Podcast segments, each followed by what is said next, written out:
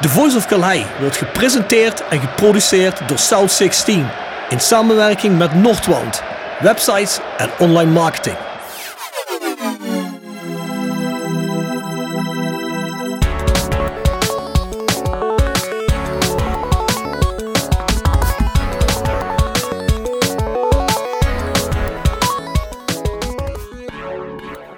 Goedenavond mannen. Daar zijn we weer. De derde aflevering van The Voice of Calais Kort. Goedenavond Bart en Jasper. Goedenavond. Een goedenavond. Ja, we gaan het vanavond weer hebben over uh, natuurlijk het Nederlands elftal. Een beetje uh, EK zullen we het ook weer over gaan hebben.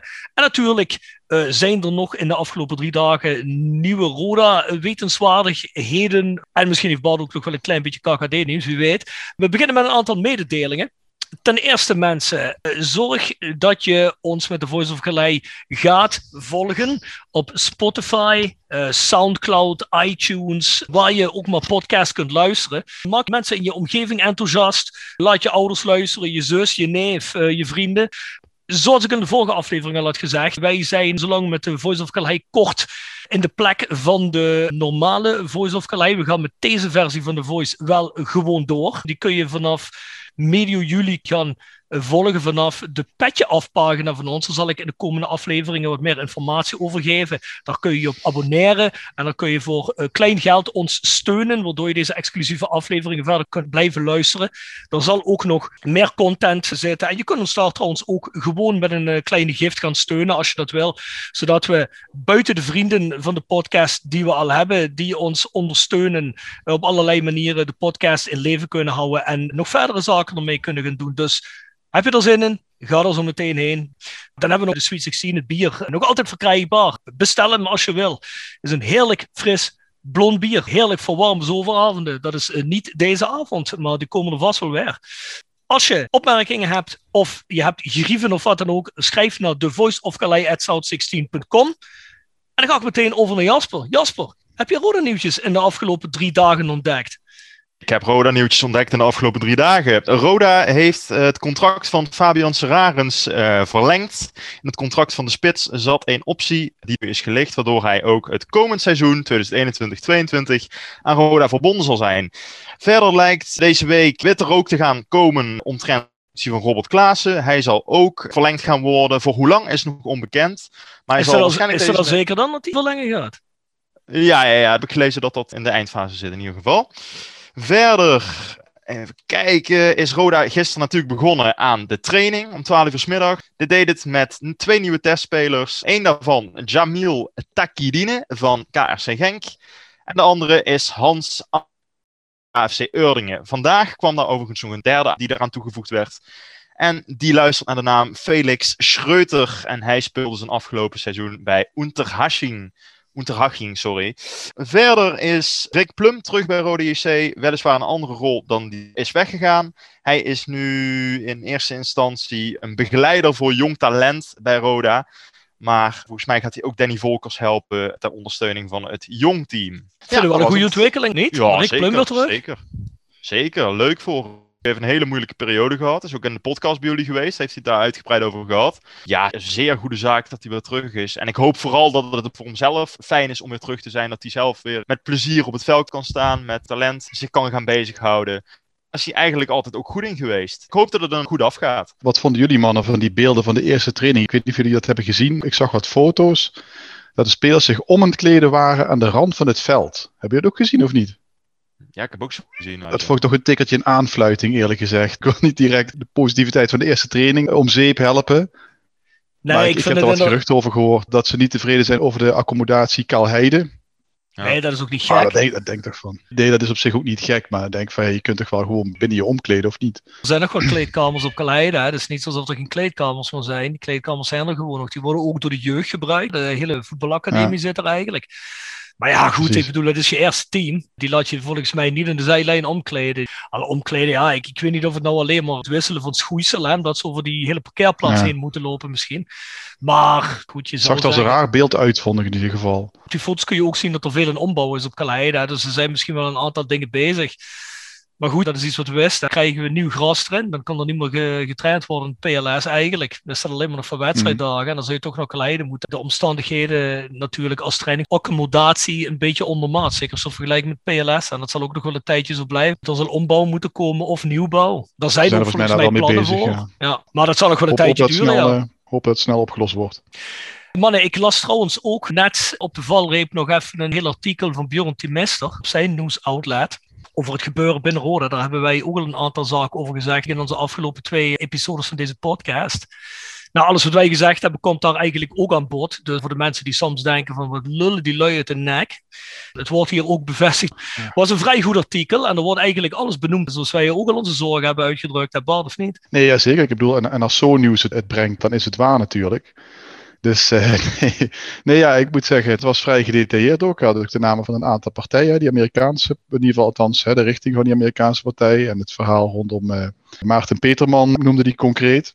Dus ja, nee, dit rommelt gewoon. En ik denk ook niet dat dit uh, op korte termijn gaat stoppen als het niet tot een oplossing komt. Ja, goed, daar hebben we het na de vorige podcast over gehad ja, ik, ik, ben heel benieuwd. Ik vond het wat teleurstellend dat er geen officiële reactie kwam van Wisman of van Joop Jans. Wat teleurstellend. Ik bedoel, er wordt zoveel genoemd en ik kan me niet voorstellen dat ze echt niet bereikbaar zijn voor commentaar.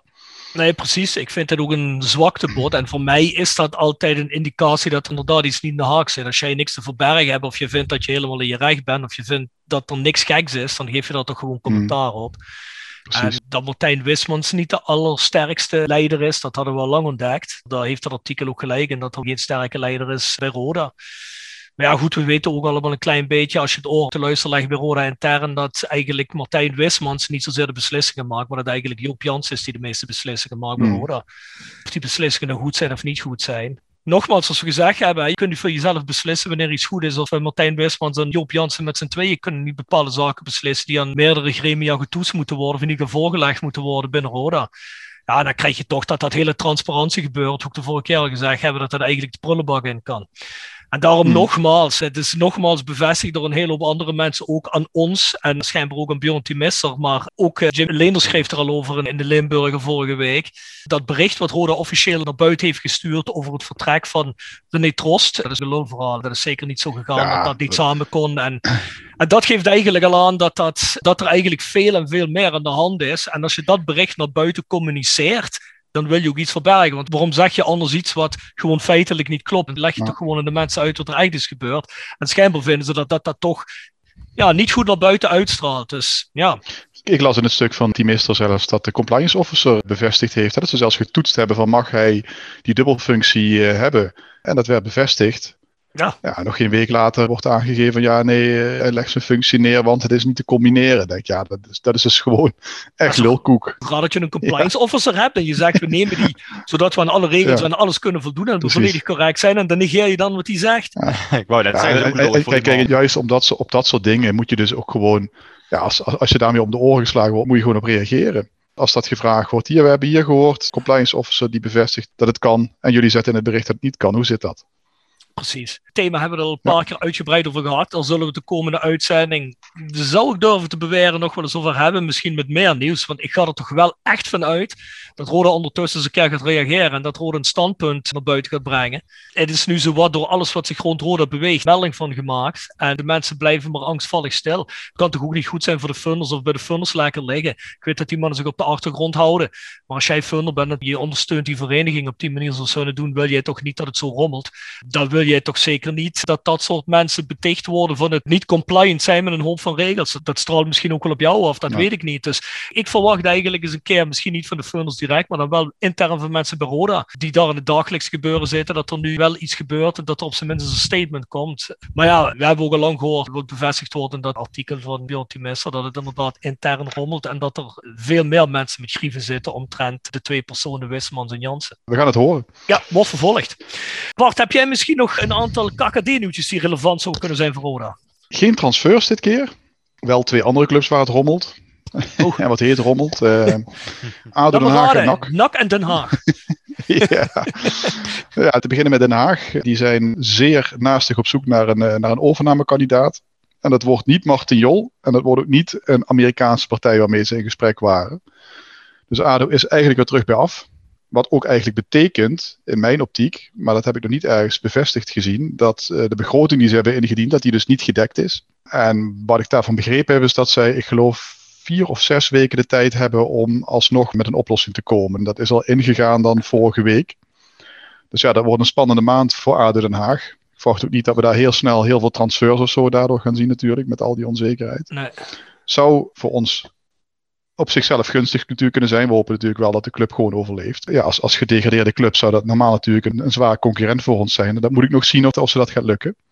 Ja, ik hoorde zelfs bij die mannen van Oranje Zomer. Dan zit altijd die gast met een brilletje, hoe die Shark. Chris Woerts. Chris Woerts. Chris Woerts, die vertelde daar dat Den Haag een schuld schijnt te hebben van 8 miljoen. En er is nog niet eens de lopende kop van de begroting is dan weer gedicht. Dat schijnt ook nog eens anderhalf, ja. 2 miljoen te zijn. Dus er moet eigenlijk iemand komen die er 10 miljoen neerlegt. En dan heb je nog geen spelers gekocht. Dat heeft nee, dat niemand. Ja. Dat klopt. Maar er hangt dus ook duidelijk wel echt uh, de angst boven het hoofd dat ADO gewoon teruggezet gaat worden naar, heb ik gehoord zelfs. Derde divisie of zoiets, hè, begreep ik. Ja, ja. Gebeurt zoiets daadwerkelijk? Want is dat nou ook gebeurd met clubs zoals Haarlem en dergelijke? Die werden failliet verklaard en waren ze weg. Nee, ja, nou, als je echt failliet gaat en dus ook die doorstart, die moet je volgens mij wel ergens op een bepaald moment moet je dat aanvragen. Want daar moet je ja. natuurlijk dan ook wel draagvlak voor hebben. Hmm. Als dat er niet is, dan gebeurt dat niet. Voor Haarlem was dat bijvoorbeeld niet. RBC is daar een seizoen later mee begonnen. Ja, daar kun je geen aanspraak meer maken op ah, okay. die uh, plek in de derde divisie. Die was er toen overigens ook nog niet. Dus die zijn echt helemaal onderin begonnen. En die zitten nu geloof ik er in de tweede klasse. Ja, ja, oké. Okay. Spelen, spelen ja, we wel steeds in het stadion. Ja, is dat zo?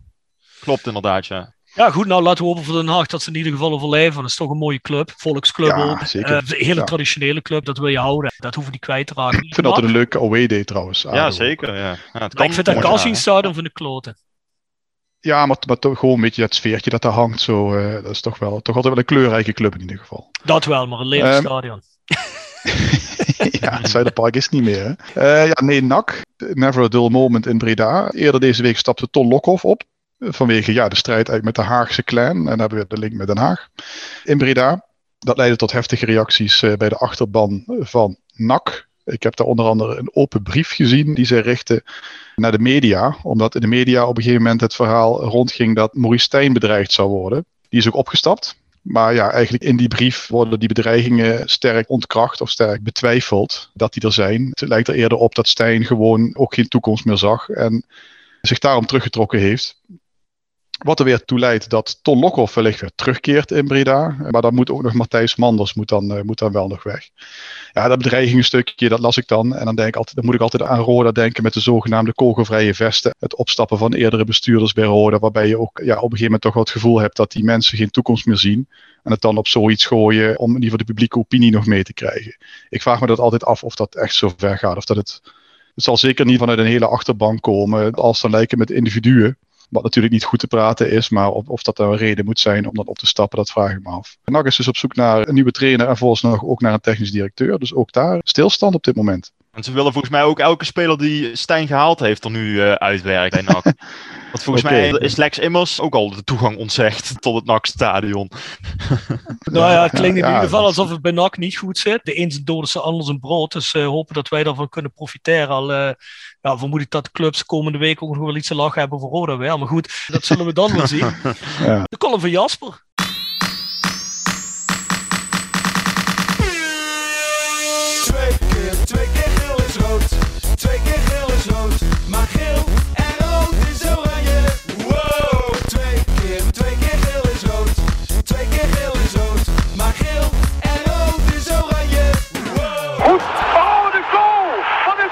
Op het spoor van Wilbert Sufrein.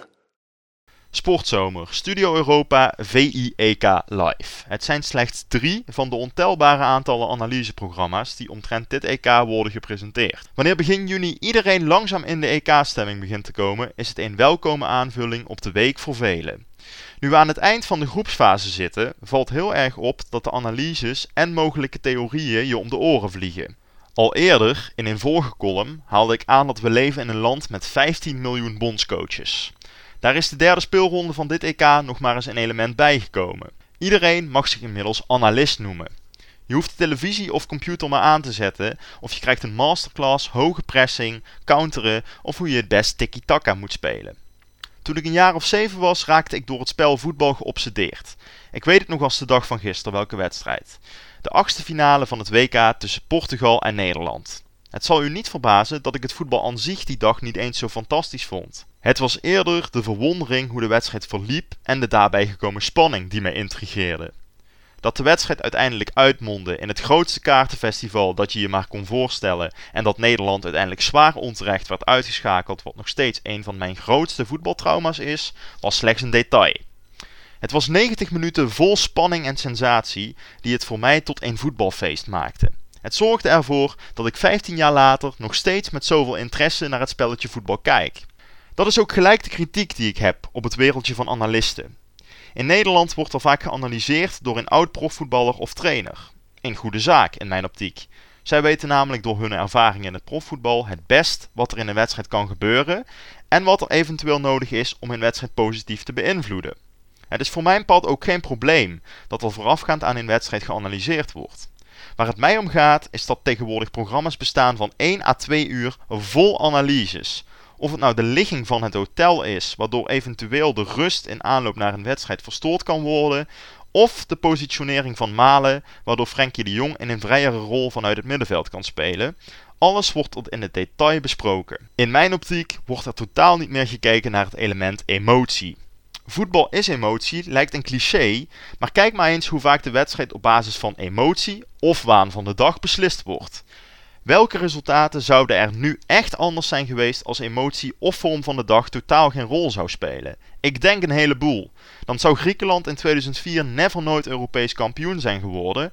Dan zou Zuid-Korea in 2002 gewoon in de groepsfase zijn uitgeschakeld. En dan zouden de fenomenen van het voetbalteam van IJsland nooit tot in de kwartfinale zijn geraakt in 2016. Anno 2021 worden analyses steeds dieper. FC Midtjylland en Brentford benaderen hun technische beleid al zelfs volledig op de wetenschap. Ook dit EK lijkt men helemaal verzot te zijn op het kijken naar statistieken. Toch laten genoeg resultaten op dit EK zien dat het oeverloze gebral over kwaliteiten op papier, looplijnen, longcapaciteit en de discussie 5-3-2 of 4-3-3 vaak meer tijdsvulling is dan wat anders. Hongarije speelt puur op wilskracht en de steun van 30.000 Hongaren, namelijk gelijk tegen Frankrijk. Spanje, dat vooraf gezien wordt als de grote kanshebber, speelt al wekenlang ongeïnspireerd en staat nu zelfs op de rand van uitschakeling. En de ploeg van Turkije, door velen gezien als de grote dark horse van dit EK, is al lang en breed terug in eigen land om met het schaamrood op de kaken vakantie te vieren. Nee, dit is geen oproep aan NOS, VI en de Limburger om geen analyses meer te maken. Ze horen er nou eenmaal bij. En coaches, trainers en spelers hebben er enorm veel aan om te weten wat er goed gaat en wat er beter kan in een wedstrijd. Echter wil ik bepaalde mensen wel meegeven wat nu eigenlijk echt de functie van voetbal is in de samenleving. Juist, plezier. Als jongetje werd ik er altijd helemaal gek van om te horen van mijn voetbaltrainer dat het maar een spelletje was. Toen ik Marco van Basten twee weken geleden echter hoorde zeggen dat hij een openingsceremonie op een EK vreselijk vond, omdat die arme voetballertjes dan 20 minuutjes niet in beweging konden blijven, toen brak mijn klomp. Uiteindelijk herinneren wij ons een EK of een WK vooral aan de spontane momenten, de verrassingselementen en de dingen die niet bij voorbaat al 20.000 keer zijn besproken.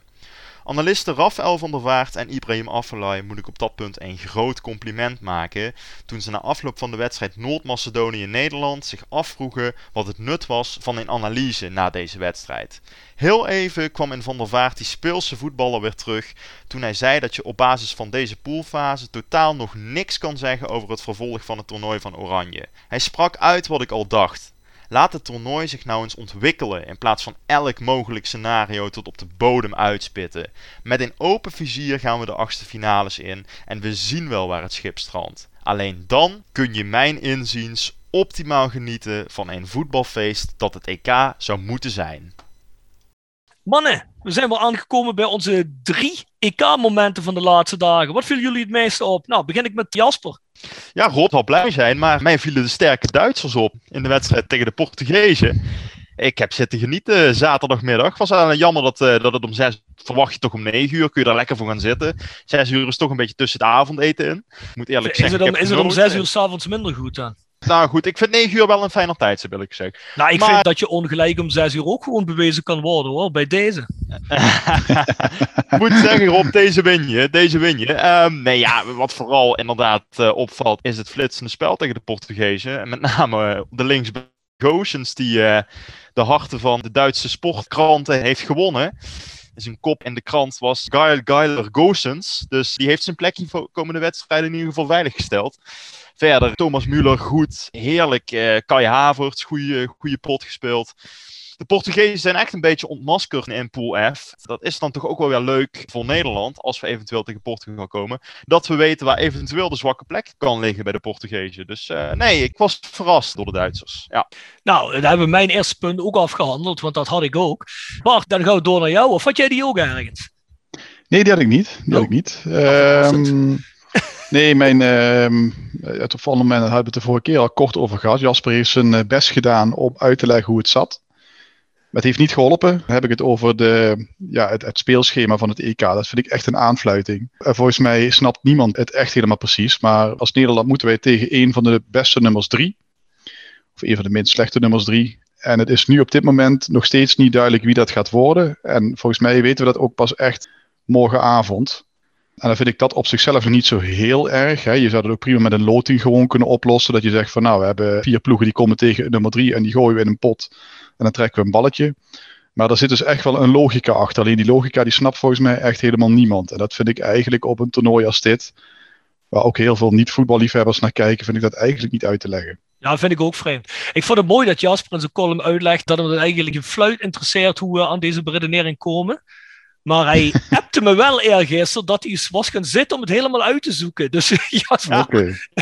Ja, ja. Dat is wel een beetje En ik- Maar, maar, maar, maar, Ja, ik denk als hij dat nu gaat uitleggen, dan hebben we geen The Voice kort, hè? Nee, nee, dat, nee, nee, dat nee, nee, nee, nee. Nee, want eh, heel eerlijk, Bart, ik denk dat je gewoon gelijk hebt. Dat is ook gewoon niet uit te leggen. Kijk, eh, er schijnt een percentage te zijn dat het steeds hoger schijnt Ja. te worden dat we tegen de nummer 3 in Pool F spelen. En het zij zo, Klopt. maar niemand, maar dan ook niemand. En ik luister best wel een voetbalpodcast, maar niemand kan dat, en geeft er ook allemaal grif toe, dat niemand dat echt uitgelegd krijgt. Nee, Het zal me ook überhaupt verbazen. Het zou mooi voor hem zijn. Het zou me verbazen zelfs wat dat zou kunnen. Dus. Maar ik vind dat inderdaad ook bizar voor zo'n eh, voor zo'n groot toernooi.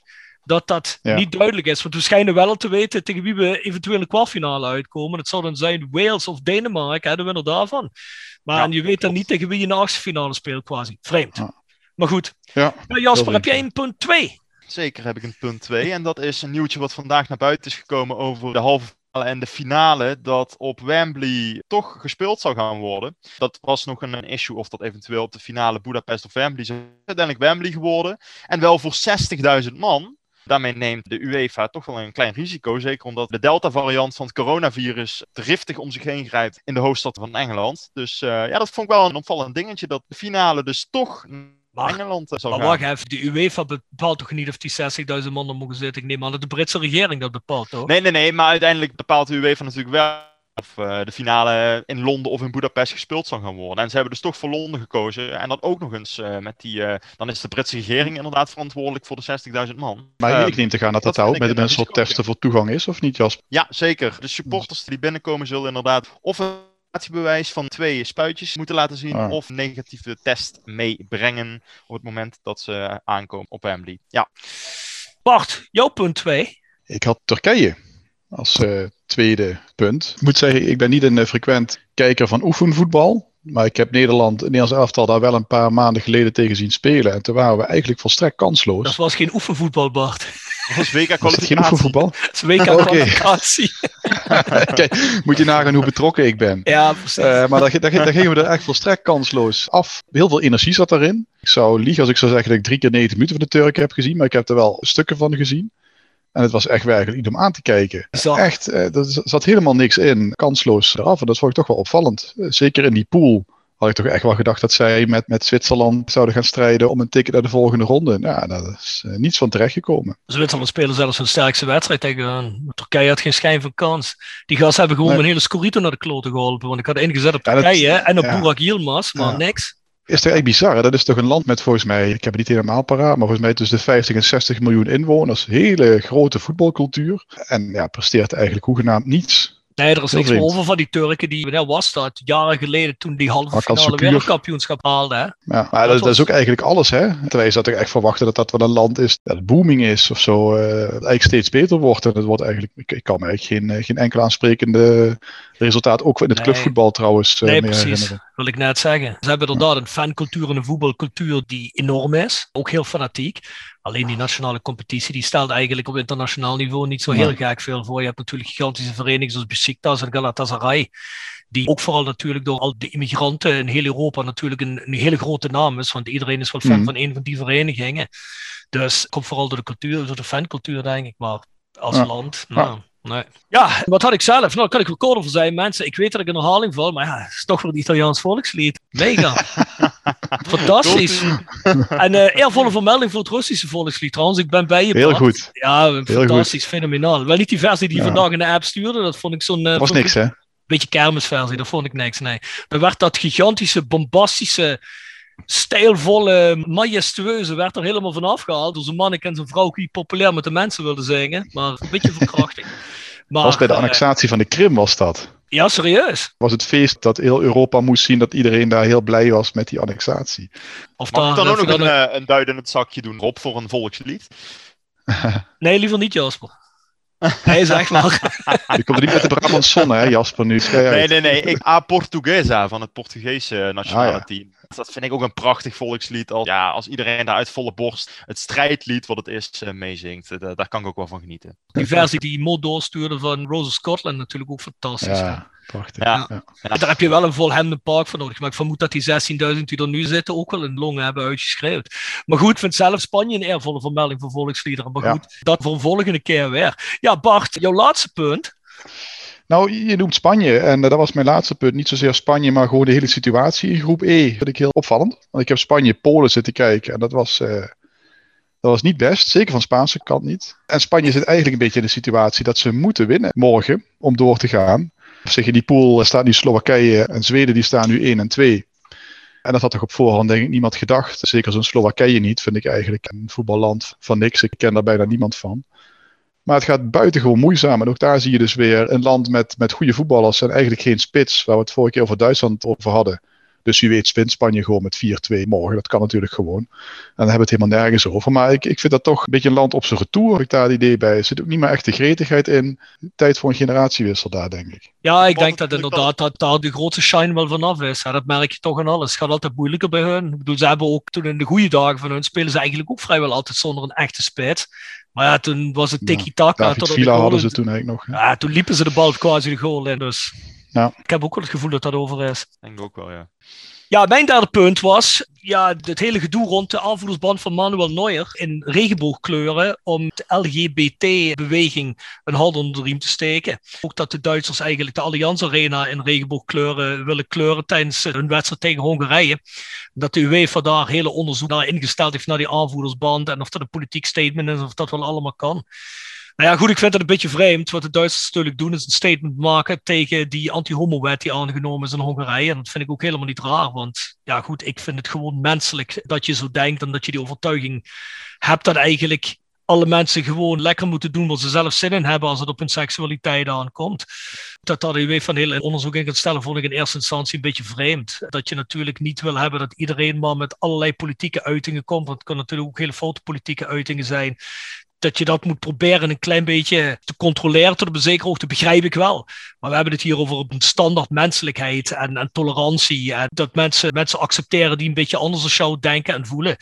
Ja, goed, ik vind dat die hele discussie erom een beetje te ver ging. Dus uh, ja, dat was eigenlijk mijn derde punt. Uh, Jasper, jij een derde punt, begreep ik, over het Nederlands elftal.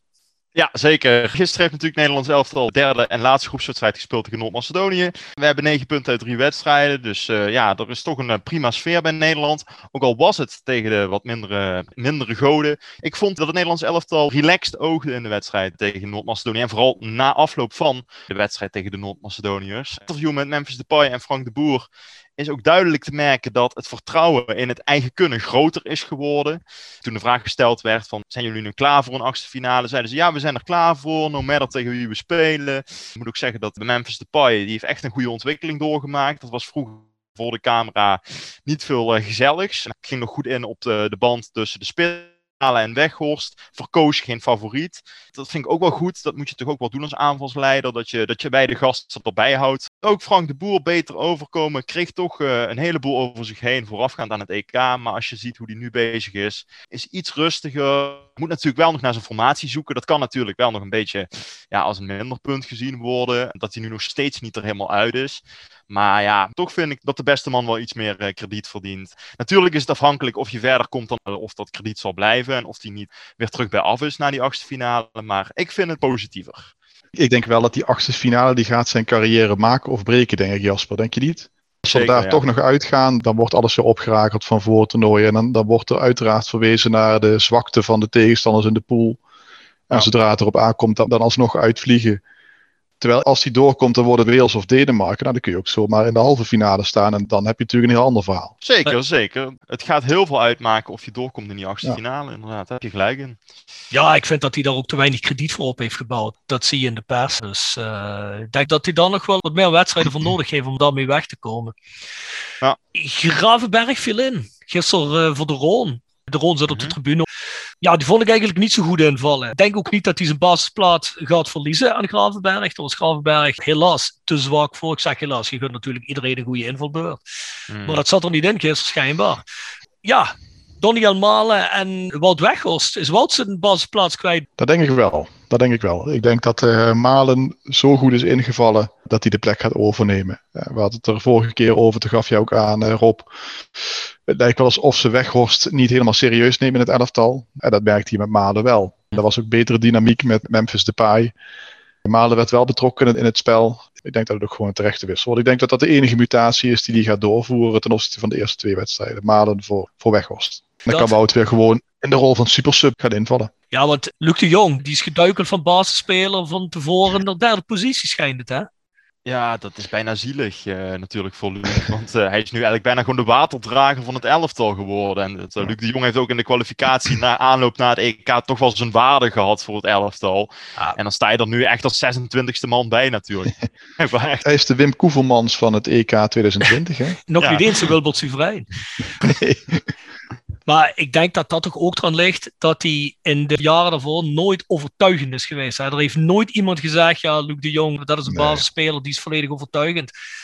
Want anders zak jij ook niet zo snel van een beoogd spits misschien naar een derde plek in de hiërarchie. maar hij is er wel al echt heel lang bij. Hè? Hij is er echt al bij sinds 2012 volgens mij. En eh, dan is het toch wel ja, sneu voor die man dat hij rondom zijn dertigste echt laatst op de lijst staat die eh, Frank de Boer opstelt. Dat, dat vind ik wel jammer voor hem. Nou, ik denk dat D beter aan is dat we gewoon niemand beter op die positie hadden. Want ja, Ja, ik moet ook nee, eerlijk zeggen, ik, zou Luc de Jong ja. niet opstellen. Nee, dat zou I- gewoon... iedere selectie heeft zo'n jongen die niet al te lastig is in de kleedkamer. Die meestal boven de 1,95 meter is. Die je bijvoorbeeld oorlog in de 16 kunt inbrengen. Hè. We hebben dat bij Nerd ook eh, jaren gehad met Van Hooijdonk bijvoorbeeld. Nou, die had nooit een basisplaats. Die bopperde daar ook niet over. En die, die kende zijn rol en die schikte zich daar ook in. Ja, voor de jongen is het nu jammer dat er Weghorst bijgekomen is. Maar we hoeven geen medelijden te hebben. Luc de Jong die heeft gewoon beperkte kwaliteit. En die haalt alles uit zijn carrière. En En daar is er op zich bij- niks mis mee. En er komt bij, de Jong heeft jaren en jaren de tijd gehad om echt overtuigend te zijn bij een buitenlandse vereniging. Dat kon hij de Bundesliga niet waarmaken in Mönchengladbach. Ik vind het hem nu ook niet echt waarmaken in Spanje. Hij heeft van die momenten dat het goed is en een paar wedstrijden achter elkaar iets goeds Ja. doet. Maar het is nooit echt Ja. dat je zegt, hij is uitblinker daar. Ja, Wout Weghorst is dat gewoon wel al Ja. twee jaar bij Wolfsburg. Dus ja, Het, het zit tegen de Europese subtop aan. En dat is zijn niveau. En dat is. eh, ja, dat kunnen ook niet heel veel zeggen hoor. Die dat, die dat Nee, kunnen. En die mee mogen naar het toernooi. Maar dit is het gewoon. En eh, voor hetzelfde geld breng je hem in de achtste finale 10 minuten voor tijd in. En knikt hij de gelijkmaker binnen of te winnen. Dat kan zomaar. En dan moet je hem zomaar ook niet in de basis opstellen eronder daarna. Nee, precies. dat zou zomaar kunnen, wie weet. We zijn in ieder geval door. We gaan kijken wie we in de achtste finale tegenkomen. We zijn er morgenavond uit. Er zit in ieder geval een goede vibe in. Voetbal is bij Vlagen goed. Dus ja, laten we het beste van hopen. Hè? Ja, jongens. De teams die wij als kampioen zien. Nou ja, Duitsland hebben we net al uitgebreid over gehad. Dus in ieder geval, daar hebben we het over gehad. Dus dat laat ik ook even voor wat het is. Ik had jullie gewaarschuwd. Duitsland. Hebben we het laatste nog niet van gehoord. Ik zie ze zomaar groepswinnaar worden morgen trouwens. Maar dat is tot daar aan toe. Ja, Jasper schreef vol overtuiging. Jongens, België, wat zeuren jullie altijd? 9 uit 3, niks aan de hand. Is dat zo? Niks aan de hand? Uiteindelijk, op basis sportjournalistiek zou je zeggen niks aan de hand. Ga je die wedstrijden iets beter ontleden, dan zie je al snel dat er eh, zeker wat haken en ogen aan zitten aan de, de favoriete rol die België voorafgaand toebedeelt. Vooral kijkend naar de defensie, daar hebben we natuurlijk al in de eerdere podcast over gehad. Gisteren speelden ze ook wel tegen een uitermate zwak Finland. Ik moet zeggen dat hoe die het Europees kampioenschap bereikt hebben, is mij echt een raadsel. Ze schijnen tweede boven Griekenland te zijn geëindigd. Nou, dat vind ik op zich al knap, maar goed, ze hebben het gehaald. Dat is geen, eh, geen graadmeter voor België. Die hebben nog niet het achterste van hun tong laten zien. Ik denk ook dat mochten die in een achtste finale komen tegen een sterk land, dan is het toch meteen weer een andere wedstrijd. We hebben dat twee jaar geleden in Rusland gezien toen België in de kwartfinale tegen Brazilië kwam. Die versloegen ze ook ineens. Mede ook door Kevin De Bruyne toen der tijd. Natuurlijk een hele belangrijke factor ook voor het succes van eventueel van nu. Als Hazard, De Bruyne, Lukaku en Witzel echt in vorm zijn, dan maakt België tegen elke tegenstander een kans. Dat, dat kun je mij niet eh, zeggen dat dat niet zo is. Maar ik moet wel zeggen, in de vorm zeker niet de topfavoriet. Dat is uh, iets wat zeker is. Ja, want iedereen noemt wel altijd Hazard, maar ik heb Hazard nog uh, niet in topvorm gezien hoor. Nee, klopt. Die heeft ook wel twee rotjaren gehad bij Real Madrid. Is heel lang geblesseerd geweest. Goed, dat dus, begrijp ik wel. Maar dat maakt natuurlijk nu wel dat hij eigenlijk niet die rol speelt. Voor mij, als de Bruin het niet doet voor de Belgen, als die de lijn niet uitzet, niet tot zijn spel kan komen, dan zie ik België niet ver komen. Toen hij erin kwam tegen, weet tegen wie het was? Was dat tegen Denemarken misschien? Ja, toen, Denemarken, uh, ja. Toen liep het opeens. Dus ja, België ja. zonder de Bruinen zie ik niet. Met, heel misschien. Bart, Frankrijk. Frankrijk, ja. Ik blijf erbij. maar die hebben een hele moeizame wedstrijd tegen Hongarije gehad. Maar je ziet dit idiote EK ben je met vier punten nu al zeker door. Dus zelfs als die mochten verliezen van Portugal, dan zijn ze nog steeds door. En ik denk dat ploegen zich dat ook heel erg goed realiseren. Dat die in de, in de poolfase allemaal met minimale inspanningen proberen door te komen. En daarna gaan we het pas zien. Dus ik denk dat we van geen enkel land, ook van België niet, tot nu toe het achterste van een tong hebben gezien. En het gaat vanaf de achtste finale pas echt leven. Nee, ik maak me nog geen zorgen, ondanks dat het, dat het moeizaam ging tegen, tegen de Hongaren. Waar, jongens, je, heel waar je overigens wel absoluut een uitwedstrijd speelt. Hè. Het volle bak publiek, dat maakt het ook wel lastiger. Zeker. Ja. En jongens, heel even ter afsluiting. Alleen namen. De twee grootste tegenvallers dit toernooi tot nu toe. Uh, ja, Turkije heb ik al genoemd. Uh, en Spanje. Ja, ik, heel saai, maar ik zeg ook Turkije en Spanje. Nou, ik zeg zelf Turkije en... Hmm, Spanje misschien, maar Polen. Ook heel oh. erg tegenvallend. Ook veel meer van okay. verwacht. Drie grootste kanshebels op basis van wat we gezien hebben in die voorrondes. Uh, nou, Italië. Uh, sowieso. Dat vind ik eigenlijk het enige land dat echt overtuigd heeft. Dan zou ik toch zeggen, België nog uh, is voor mij wel een grote kans hebben. En Frankrijk. Ja, het is ongekend, maar ik moet me weer aansluiten bij, bij Bart. Oké. Okay. Nou, ik zeg zelf Italië. Ja, Italië kom je helemaal niet omheen natuurlijk. Uiteraard Duitsland. Twijfel ik geen seconde. Um, dan zou ik dan maar gewoon vervolgen van Nederland zeggen. Ik hoop het. Laten we moet wel zeggen dat Nederland me veel meer overtuigd heeft dan dat ik gedacht had. Ik dacht dat ik eigenlijk iets heel bizar slechts ging meemaken dit toernooi. Maar ik ben positief verrast. Dus, uh, ja. Nee, maar als ze de achtste finale overleven, dan is het er nou Wales of Denemarken. Hè? Dat, dat moet kunnen. te pakken. Nou mannen, ik denk dat we een beetje voor alles gehad hebben wat de laatste drie dagen gebeurd is. Nog heel even vermelding van onze vriend van de podcast, Jegers Advocaat. Heer Neil en Beauty Salon Next Door. Hotelrestaurant de Veilerhof. Herberg Bernardeshoeve. Noordwand. www.gsrmusic.com. Stokgrondverzet. Rapi Autodemontage. Van Ooyen Glashandel. Quick Consulting. Wiertz Personeelsdiensten. Vendo Merchandising. Nederlands Mijnmuseum. Marimi Solar Heerlen. Roda Support. Wheeler Autogroep. PC Data. Metaalgieterij van Geelst. En Roda Arctic Front. Ja, dat zijn onze vrienden uit Scandinavië. Nou mensen, ons mailadres is thevoiceofcalais.south16.com. Onze shop is www.south16.com. Bart, Jasper, prettige avond verder. En mensen, jullie horen ons de volgende week weer. Tot dan. Tot dan. Tot dan.